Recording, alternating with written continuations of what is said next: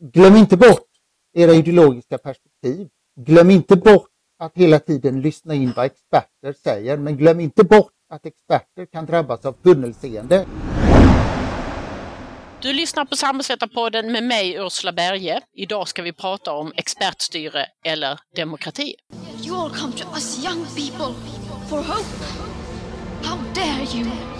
How dare you? Arbetsförmedlingens skyltar ska upp på fler ställen. Jag har örat mot marken, jag lyssnar, jag leder såväl partiet som politiken i landet. Vi måste också jobba i den andra delen, förhindra att unga pojkar väljer brottets bana och det är ett helt annat arbete. Det är sysselsättning, det är skola och det är socialtjänst. Det är alltså inte polisen som är problemet, utan politiken.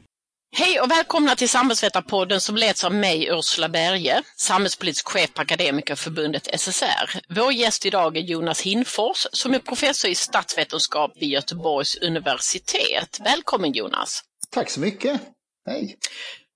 Du skrev en uppmärksammad debattartikel här en vecka med rubriken Experterna ska inte styra i en demokrati. Och anledningen var ju såklart den pågående covid-19-pandemin. Och jag tänkte att vi i denna podd skulle prata generellt om den frågan, men också landa i just den här krisen och hur den påverkar demokratin och kanske vår syn på densamma. Men jag tänkte vi skulle börja med det generella och det handlar ju då om demokratins försvagning generellt.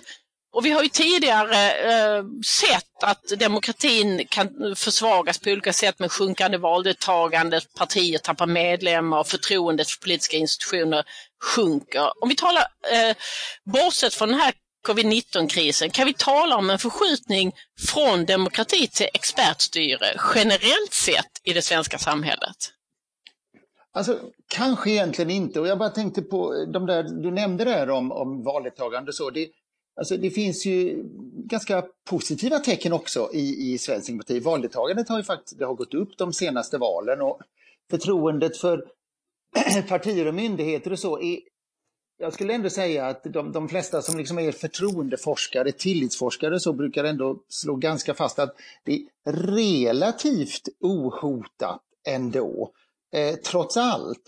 Eh, jag skulle ändå säga att alltså på ett vis att demokratin står ganska stark. Alltså det, utan då är det ju den här liksom balansen mellan experter och politiker. Det, men jag är inte säker på att jag kan ge något så att säga, bokslut där. Man kan säga att går man tillbaka eh, ganska långt i tiden så fanns det, om man tänker i medievärlden, fanns det, public service menar jag då, det fanns ganska stor vördnad för experterna. Alltså man var rädd i public service ju för eh, att Eh, Eh, det skulle vara att, att det politiska skulle in. Nu är ju liksom det, och då hade man ofta eh, experter som fick liksom lägga ut texten på ett ganska eh, oreflekterat sätt från, från medierna. Eh, det här har ju ändrats fullständigt. Nu har vi ju både den politiska debatten och, och expertdebatten rakt in i liksom, sociala medier och vardagsrum hela tiden.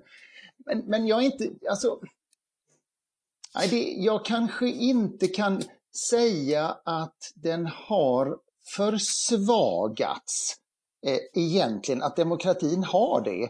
Ehm, men det är viktigt att upprätthålla den. Alltså man måste då fundera på det som du säger. Vi får inte landa i en situation där ehm, det politiska systemet lämnar över till experter i, utan att göra det på ett reflekterat vis. Alltså det är klart vi behöver experter. Eh, det, det, vi är en oändlig liksom, expertinmängd, in, in, in, in influerad, eh, influerat samhälle. Men det som ju är ganska viktigt är att eh, experter är inte alltid eniga. Eh, det finns olika områden som en expert kan vara oerhört duktig på ett område, men då finns det andra områden som påverkas av det. Då är det andra expertområden. Och plötsligt så har vi då situationen när olika eh, områden så att säga talar mot varandra. Då är det viktigt att det normativa politiska måste in. Eh, vi måste skydda det så att säga. Vi får inte gå ifrån det. Men om, om det är så att ett samhälle blir allt mer komplext, är det ett problem för folkstyret i jämförelse med experterna som då förstår mer av det komplexa samhället i jämförelse med politikerna som måste ha en mer generell eh, samhällsanalys? Alltså på ett sätt kan man ju säga att det är det, alltså att komplexiteten i sig eh, gör att vi får en allt mer rör, rörig eh, expertsituation också och det är just då som kanske det demokratiska samhället behövs mer än någonsin. Så att säga. Så att, ja, potentiellt är det klart att det är en, en, en utmaning för eh, säga, det demokratiska samhället. Eh, det man ska komma ihåg är ju att valet av vilka experter som ska få höras, så att säga, det är ju på ett sätt så är det ju liksom vetenskapssamhället, men när det ska släppas in och bli politiska beslut så är det ju någonstans så är det då politiker som väljer att lyssna eller inte lyssna på vissa experter och vi medborgare som gör det också. Och det, så ju mer komplext, desto fler expertröster.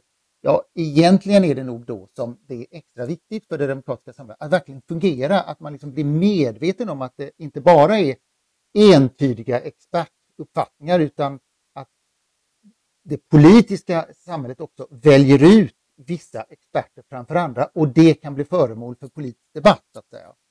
Mm. En väldigt aktuell fråga om vi bortser från covid-19 är ju klimatfrågan och där finns det ju en folkrörelse som startades av Fridays for Future och Greta Thunberg. Och det enda de säger är ju lyssna på forskarna. Alltså hur ska man förstå det utifrån det här resonemanget? Ja, det, den sätter ju någonting eh, det, på sin spets. Det. Nu, nu kan inte jag klimatforskningen alls egentligen. Det, jag vet inte riktigt i vilken utsträckning klimatforskare är ense eller oense. De förefaller ju i varje fall i den allmänna debatten vara relativt ense.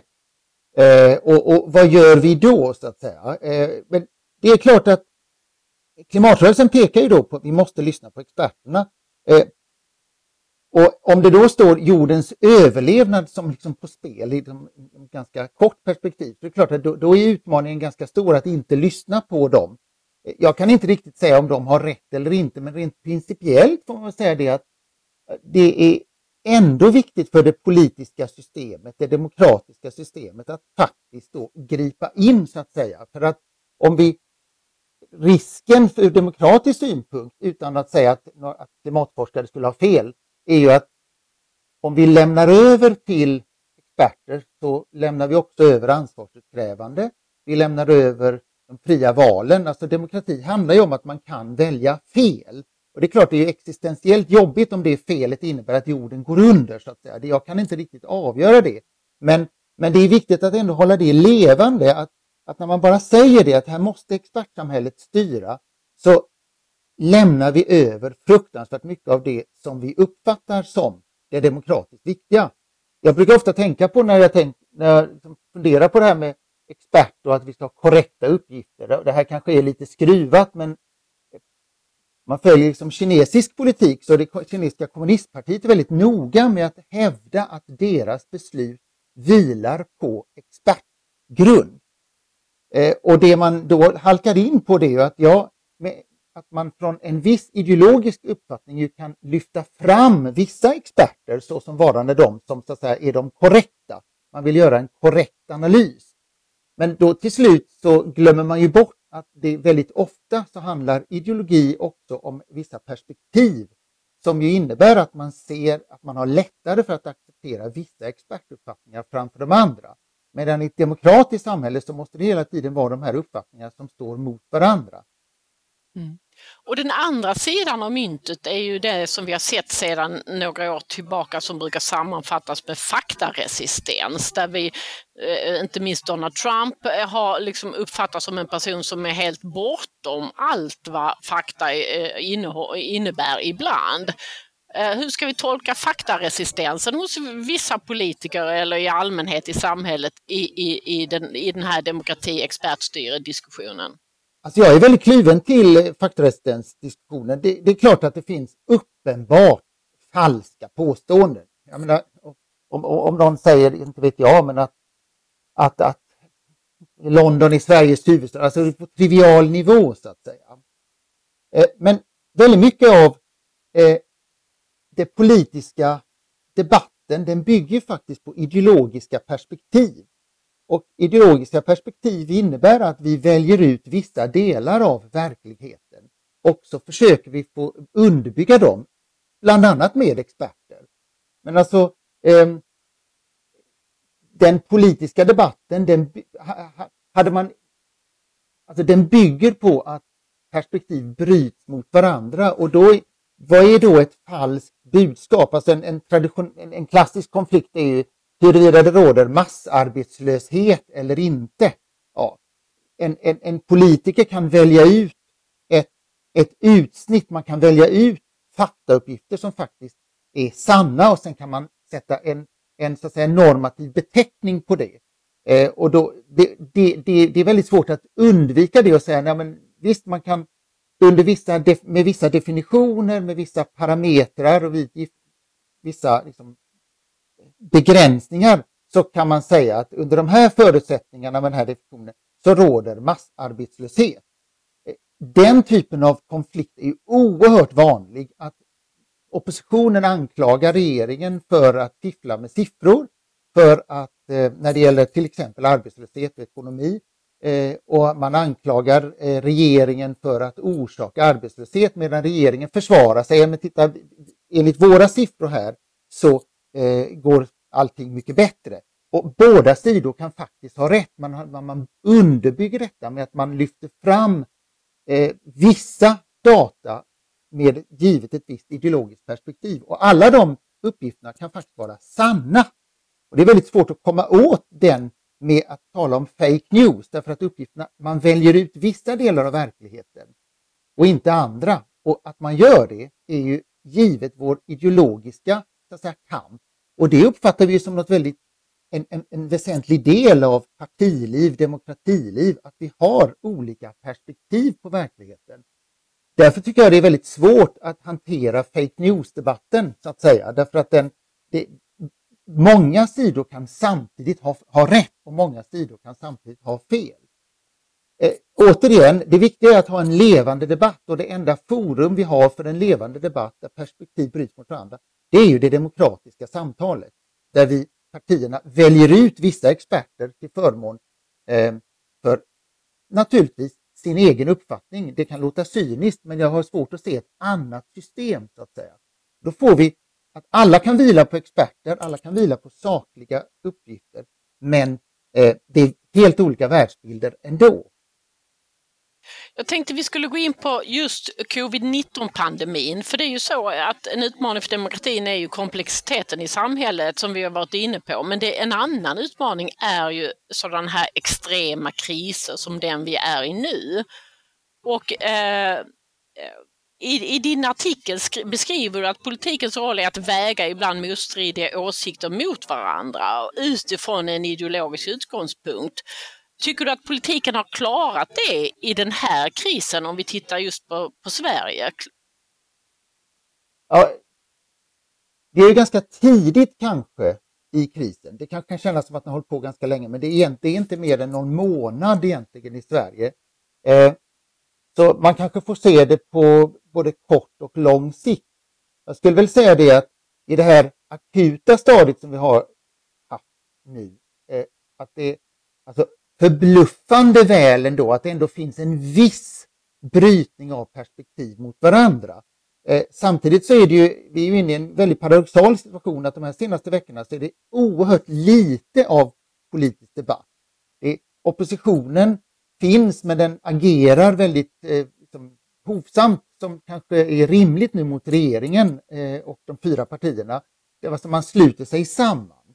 Eh, och, men Samtidigt finns det en viss tendens till olika perspektiv.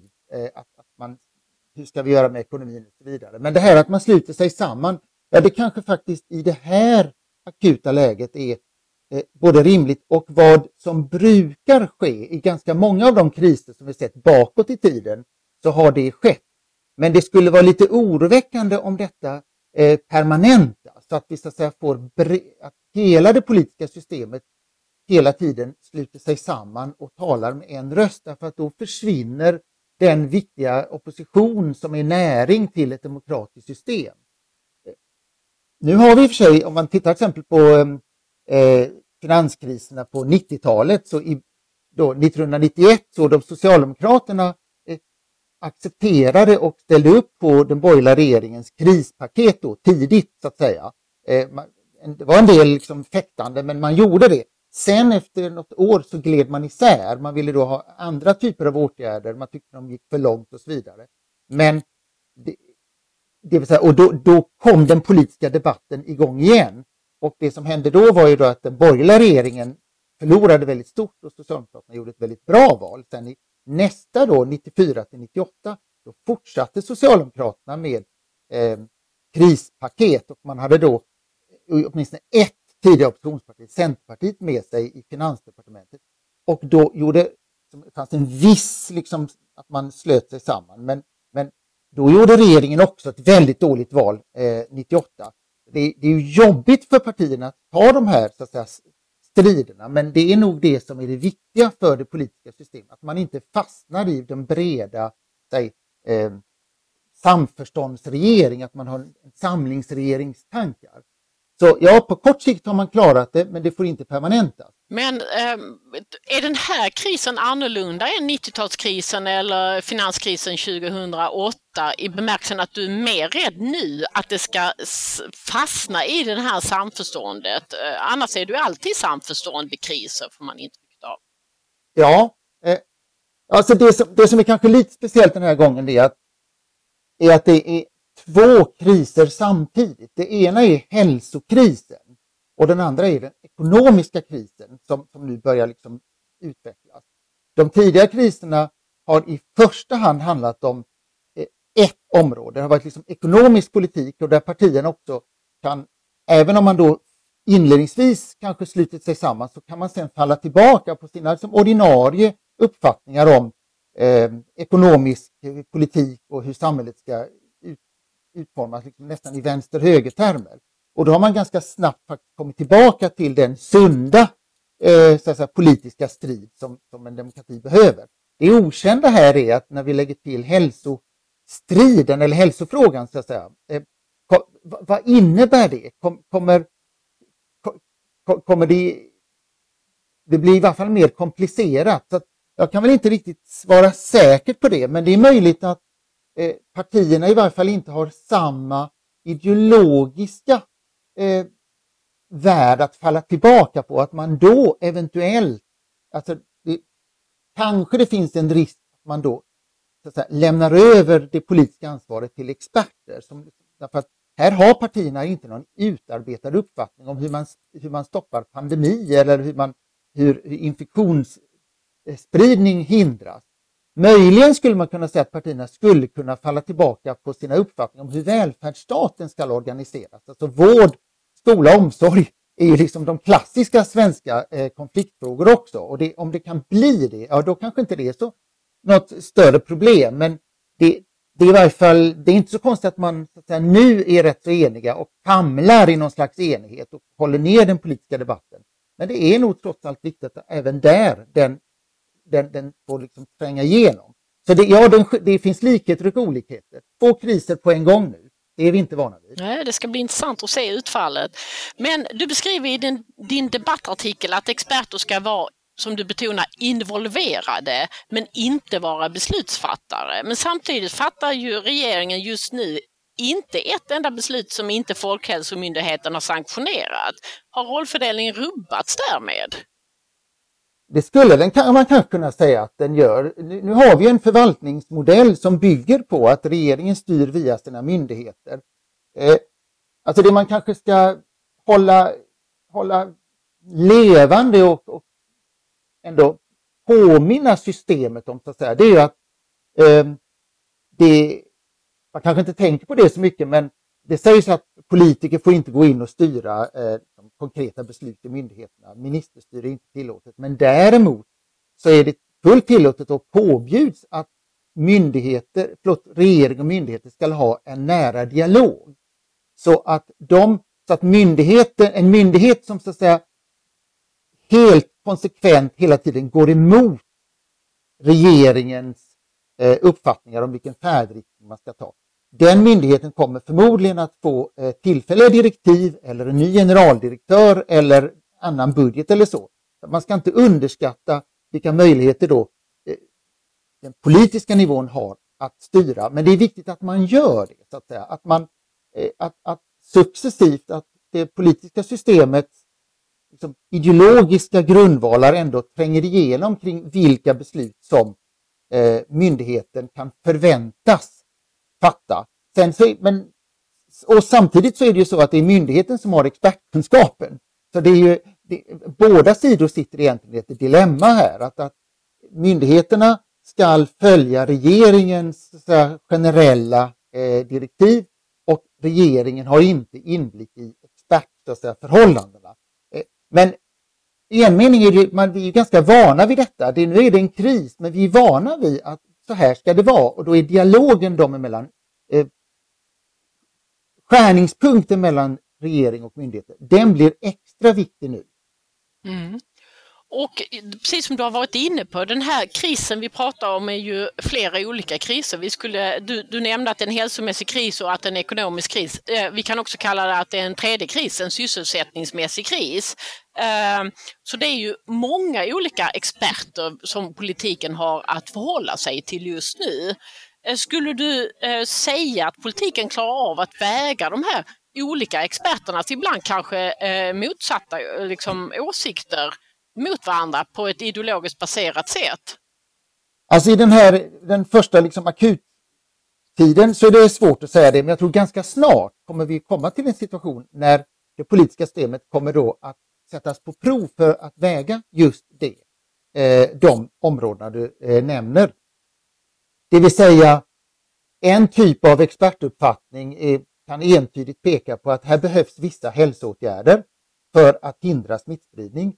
Och en annan typ av experter pekar då entydigt på att vi kommer att få den här typen av eh, arbetslöshet, ekonomisk kris, recession som, som, som drabbar oerhört många människor. Ingen av de här har fel i sig, men då kan ingen av dessa två eller tre eller flera områden kan själv bestämma, utan då är det ju den sammanvägning som ska ske.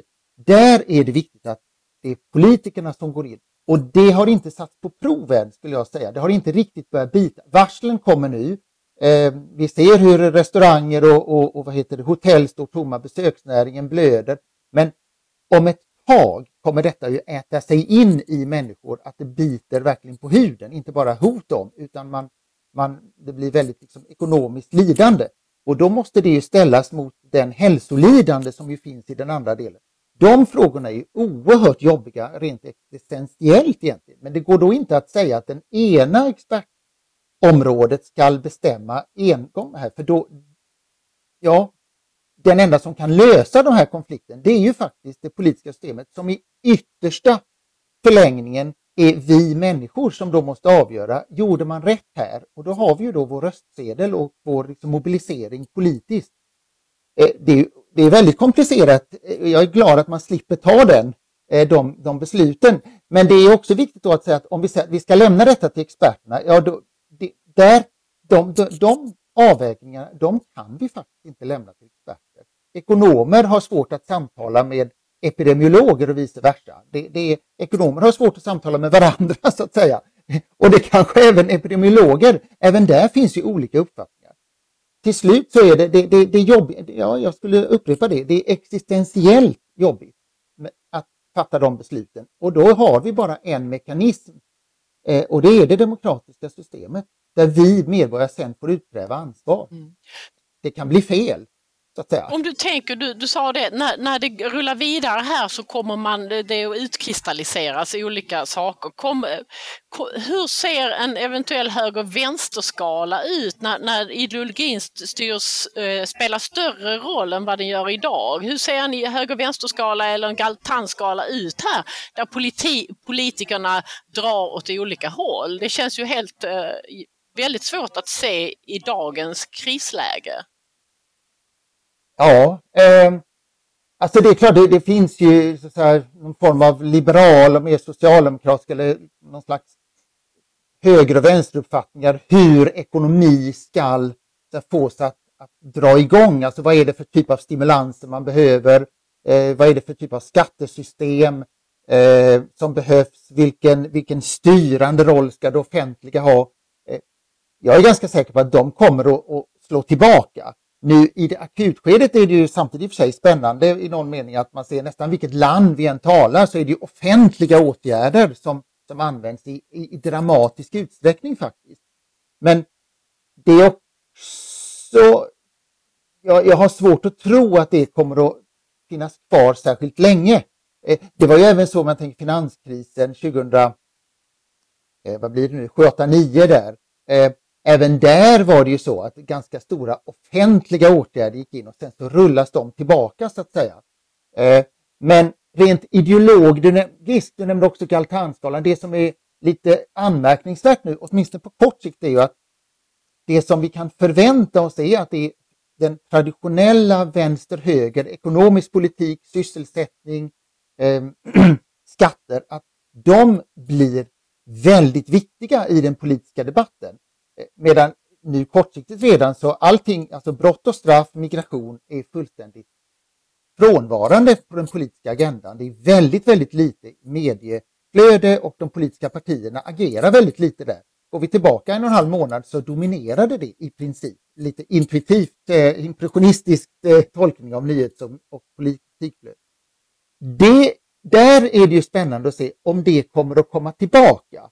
Men på, om, om det, det, finns väl ändå en del som tyder att om den här ekonomiska konsekvenserna är så eh, omfattande att vi kommer att ryckas till in i en situation där det är traditionella vänster-höger-frågor snarare än kanske än de nya galtanfrågorna som kommer att dominera. Att, och det kan även gälla klimatfrågor, eh, eh, identitetspolitik, migration, brott och straff, att de, så att säga, de trycks undan åtminstone ett tag. Det kan ju få ganska stora konsekvenser för, eh, för inte bara den politiska debatten då, utan även för hur människor kommer att välja parti. För det finns ju åtminstone viss forskning som pekar på att det som partierna ju strider om, och liksom att ta, verkligen ta konflikt om, det hjälper människor att uppfatta vad är en viktig fråga. Och så väljer man parti på grundval av det politikområdet och inte ett annat. Och att det snarare är det än att människor ändrar uppfattning i sakfrågor utan att man behåller dem. Men på vilken typ av sakfråga är det som jag väljer parti? Och nu har det under ett bra tag har debatten rätt så mycket handlat om migration, integration, brott och straff. Och då har de grupperna mobiliserat, eller många människor uppfattat, vad, vad, vad, står jag där? Och så väljer man parti på grundval av det, utan att man kanske egentligen ändrar uppfattning i sakfrågan. Ja, blir det nu vänster-höger-frågor, politik av liksom gammalt snitt att säga, då får vi se hur det politiska systemet, om det får några konsekvenser i valet 22 då, för det här kommer förmodligen inte att blåsa över till hösten, de, de ekonomiska konsekvenserna.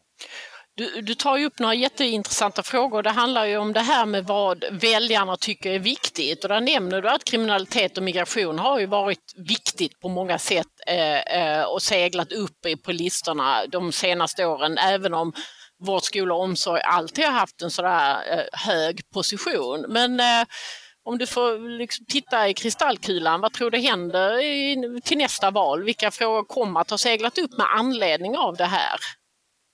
Alltså det, det, det är ju livsfarligt för forskare att säga. Jag kommer ihåg i min avhandling så hade jag en efterskrift där jag, jag skrev att detta kan innebära, det var om familjepolitik och vårdnadsbidrag, den borgerliga regeringen 91, den skulle kanske kunna spricka på grund av, av vårdnadsbidrag. Det gjorde den inte och det får man ju äta upp ändå. Det hade väldigt hårda spänningar, det hade de, men de sprack inte. Eh, men eh, ja, alltså i och med att vi nog kan se det här, alltså det förefaller ju som att det är både en hälsokris eh, med vittgående konsekvenser och otroligt snabb förändring. Alltså alla siffror pekar på att den här ekonomiska krisen som kommer, den är kraftigare än 90-talet, den är kraftigare än den IT-bubblan och kraftigare än finanskrisen. Eh, och då är, eh, även om valet är några år bort, 2022, så förefaller det ju inte orimligt att de frågorna kommer att få en, en väldigt stark eh, ställning på den politiska agendan. Det innebär inte att de gamla, de frågor som nu har funnits, brott och straff, integration och så, att de kan komma tillbaka. Men alla partier kommer nu att behöva mobilisera för att ha förslag som då eh, som försöker få sig ur den här krisen. Eh, så det, det, den, den säkraste förutsägelsen det är nog att eh, traditionella frågor som på det ekonomiska vänster-höger, men också på hälsoområdet naturligtvis. Eh, att de, de, har ju alltid funnits där, men att de kommer att bli ännu viktigare tillsammans med eh, olika, vad, vad, ska offentlig sektor göra? Hur ska, eh, hur ska så att säga, liberala företagsstimulanser se ut? Vad ska offentligt ägande, vilken utsträckning ska det, där kommer det att brytas förmodligen. Det spännande då är ju att om vi tar januaripartierna så har vi ju då liksom, åtminstone ett något sån här traditionellt socialdemokratiskt parti, Socialdemokraterna, som ju då kanske har mer en förkärlek för, för de mer liksom, offentliga åtgärder men som har närmat sig en liberal agenda under rätt lång tid. Och sen har vi då genomliberala liberaler och Centerpartiet. I, å ena sidan kan de nu komma att drivas ännu närmare varandra för det är de som står för så här budgetsamarbete. Men det är också så att inom den konstellationen så kan det möjligen finnas potentiella sprickor där man liksom vill dra ännu mer i den ena eller den andra riktningen. Så att det finns ur deras synpunkt ett dras komma ännu närmare tillsammans scenario, men också ett att, att, att det är en konstellation där de frågor som här kommer att bli väldigt, väldigt viktiga blir ännu mer akuta och viktiga och att man då sätter samarbetet på prov. En, för, för, ett antal veckor sedan, före hela covid-19-krisen, eller pandemin, så poddade jag med en statsvetare som heter Ann-Katrin Ljunga om högerpopulismen och dess tillväxt i, i Norden. Men alltså populismen, vi ser rätt få populistiska utspel i dessa dagar. Och hur ska vi förstå populismen inom politiken just nu? Ja, men det, det, det är jättespännande och Ann-Katrin är ju väldigt, väldigt bra forskare på det området. Och, eh, ja, alltså det här med den agendan nu, det vill säga att frågor som högerpopulismen normalt har levat på, det är ju migration, eh, etnicitet, sammanhållning av ett visst slag. Eh, alltså, som ju, man måste föra tillbaka att det kanske inte i första hand bara handlar om migration, utan om man tar Sverigedemokraterna Eh, så finns det ju en ideologisk grund där i botten som gör att just migration blir en viktig fråga. En viss typ av sammanhållning som man liksom vill se i samhället. Eh, medan man när det gäller eh, traditionell vänster-höger-frågor, man ska ha mer eller mindre skatter, sysselsättningspolitik eller så, har man haft lite lättare att, att, säga, vandra. Man har inte varit så riktigt identifierad med en särskild typ av politik. ja, om vi nu tror att migrationsfrågor, brott och straff, alltså att, de, att de blir lite mindre viktiga på den politiska agendan. Att, att den stora striden tvingas in så att säga till vård och eh, mer traditionell ekonomi. Så kan man väl ändå säga det att den, den forskning som vi, finns ändå på vad som har gjort att människor drar sig till ett visst parti eller inte. Eh, den pekar ju på att viktiga frågor mellan, på elitnivå, det får mig att liksom gå igång på, det är det jag ska välja parti på just det området. Och eh, eftersom de högerpopulistiska partierna inte i första hand har så att säga vuxit fram på en agenda som handlar om en viss ekonomisk politik, en viss typ av vårdlösningar och så, utan på det här med, med eh, mer kring migration, olika grader av etnicitet och sammanhållning så har de åtminstone inledningsvis haft mycket svårare att liksom mobilisera på den typen av, av frågor som är de mer traditionella frågorna. Utan man har så att säga fått lyckats ändra den politiska agendan till något annat. Eh, och det är väl, då får man ju se, det är klart att även då eh, ekonomisk politik och vård och de frågorna, de kan ju också förmodligen stöpas i en Eh, så att säga, folkhemsmodell, om man nu tar någonting som Sverigedemokraterna försökt eh, liksom föra fram, att vi måste, samhället ska hålla samman så att säga. Och då gäller det att man på något sätt får eh, mobiliserande frågor kring vad det då skulle vara. Men hittills kan man ändå säga att det är de här andra frågorna som har varit de riktigt stora valvinnarna för den här typen av partier. Eh, och därför så är det möjligt att de nu eventuellt går en lite svårare tid till mötes. Om inte man då lyckas få upp mobiliserande frågor som liksom går att länka in till den här debatten som vi kanske kan se framför oss. Att det handlar om hur vårdsystemen fungerar, hur, hur ekonomin och sysselsättning ska eh, komma igång. Men det problemet de har där, det är att där har ju de traditionella partierna en slags legitimitet och en slags förväntan hos väljarna att det är deras frågor. Medan Sverigedemokraterna och liknande partier har en förväntan om att det är delvis andra frågor som är deras legitima område. Eh, så det är ju ett jättestort ex naturligt experiment här kan man ju säga. Eh, vad som ska ske med dem. Men allt annat lika så, eh, och så är det ju inte alltid att allt annat är lika. Men om vi tänker oss det så eh, borde den kommande agendan vara lite svårare för Eh, den typen av partier att använda sig av.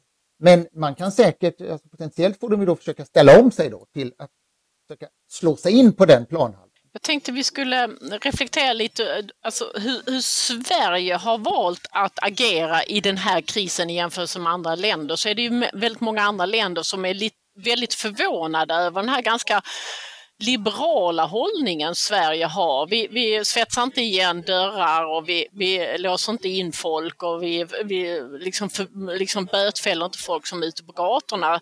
Utan att det uppfattas som att vi har en ganska liberal linje i internationell eh, bemärkelse. Och, och fler och fler börjar säga att ja, men det är lite det svenska sättet. Vi litar på myndigheter. Säger de att vi ska göra det så gör vi det. Då har vi inte stopp för sammankomster med 500 utan vi går inte ens på sammankomster med 100. Och att vi är väldigt följsamma till vad myndigheter säger till oss och, och att vi har en tillit till myndigheter. Alltså hur ska man förstå det här tilliten i jämförelse med ditt resonemang om expertstyre? Det är en bra fråga. Man, man bara, säga att alltså, om man tittar på det här det liberala så är ju Sverige eh, i internationella utsträckningar eh, så finns det en väldigt stark individualism.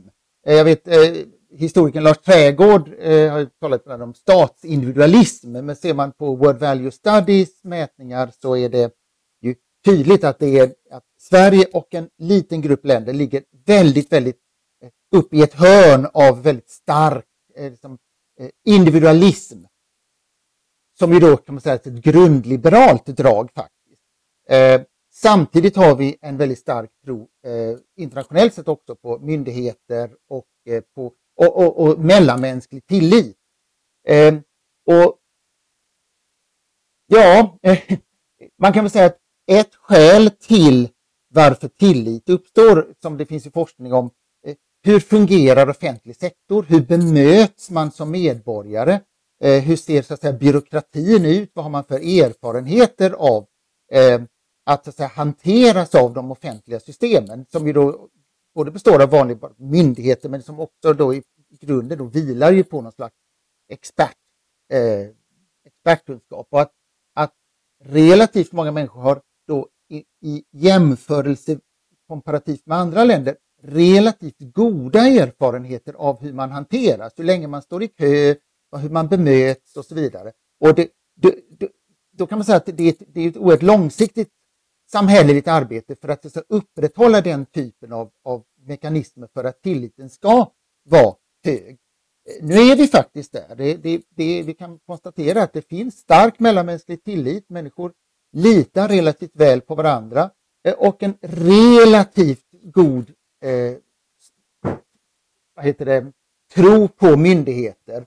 Eh, och om man då, det innebär att då har vi, möjligen har vi, det är ju svårt att, det är liksom lite utanför mitt område måste jag erkänna, men om man ska börja se varför vi har valt den här modellen, att å ena sidan en tro på myndigheter och också myndigheter som kan li, som, som kan, som vet att det finns en väldigt stark individualism i samhället, vilket innebär att de här drakoniska kollektiva förbuden eventuellt skulle vara lite svårare att genomföra i Sverige än i andra länder som har en annan, helt annan upp, liksom, typ, syn på hierarki. Man, man har eh, eh, också helt andra typer av myndighetsstrukturer. Man har mer en tradition av att partier pekar med hela handen.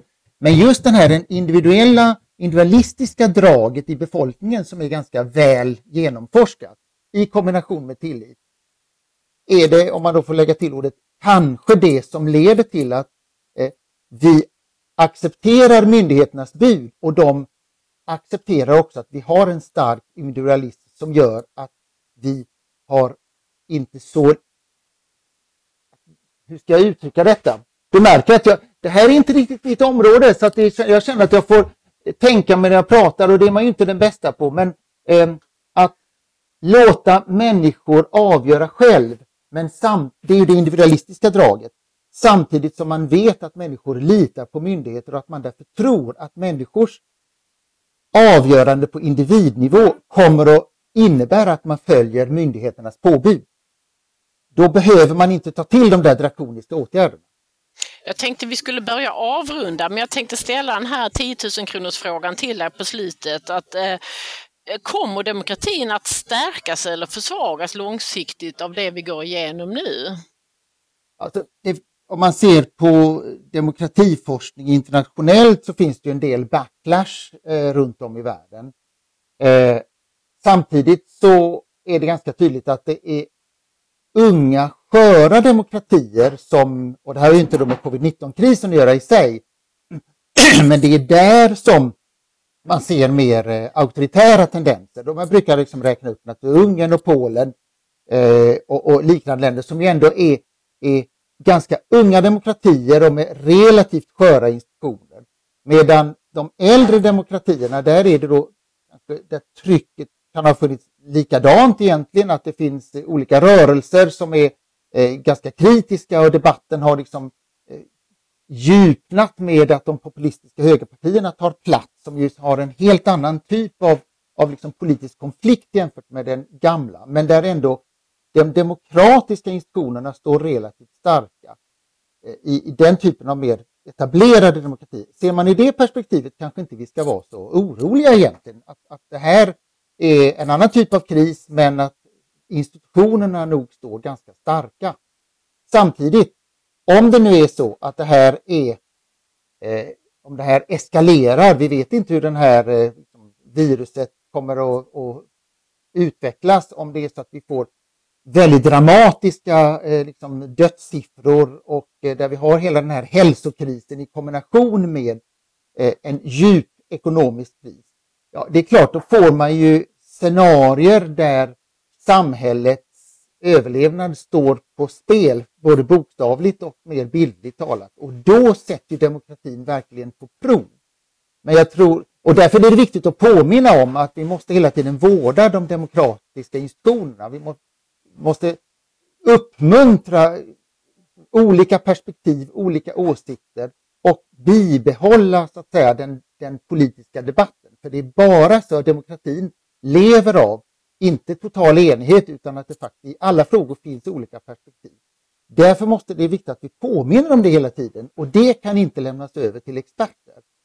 Nu tror jag kanske att vi har så starka institutioner att vi inte behöver vara så oroliga. Men jag tror det är också viktigt att påminna om detta, att det är bara demokratin som kan rädda demokratin. Och jag tänker att du skrev den här artikeln för att du var orolig för någonting, för att du ville ge ett råd eller varna eller flagga för någonting. Vad skulle du vilja ge eh, Stefan Löfven och de andra i regeringen och andra demokratiska företrädare för råd just nu? Tänk på det här.